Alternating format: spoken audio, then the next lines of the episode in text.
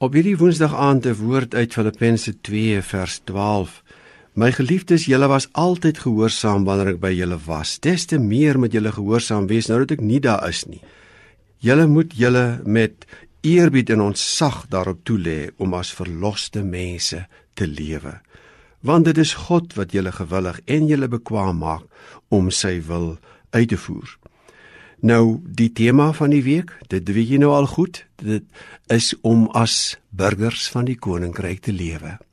Hier word dit dan nou genoem om as verloste mense te lewe. Ons wat aan Christus Jesus verbind is en wat hierdie publieke drag gedrag dra omdat ons aan 'n nuwe koninkryk ook behoort al is ons burgers van hierdie land. Ons moet ons daarop toelê om as verloste mense te lewe. Nou jy kan mos nou nie die Nuwe Testament lees in in in aan verlossing dink sonder om aan een of twee goeders te dink. Die nommer 1 daar het met my verlede iets gebeur. En ek praat nog later in die week so 'n klein bietjie daaroor dat ons kan agterlaat wat agter is. Ons is vergeefde mense.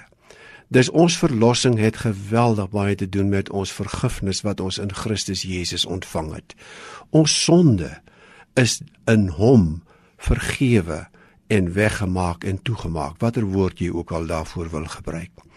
En nou is al die goedheid van die Here, dit wat in Filippense 2 so uitgedruk word oor die gesindheid van die Here Jesus, oor die inwoning van die Gees.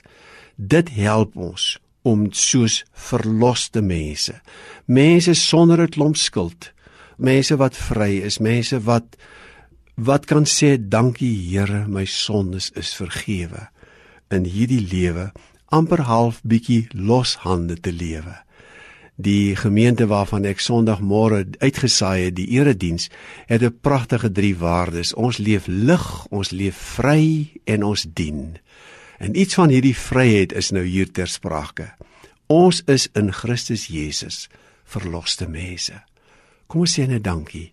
Dankie Here dat dit van ons waar is. Amen.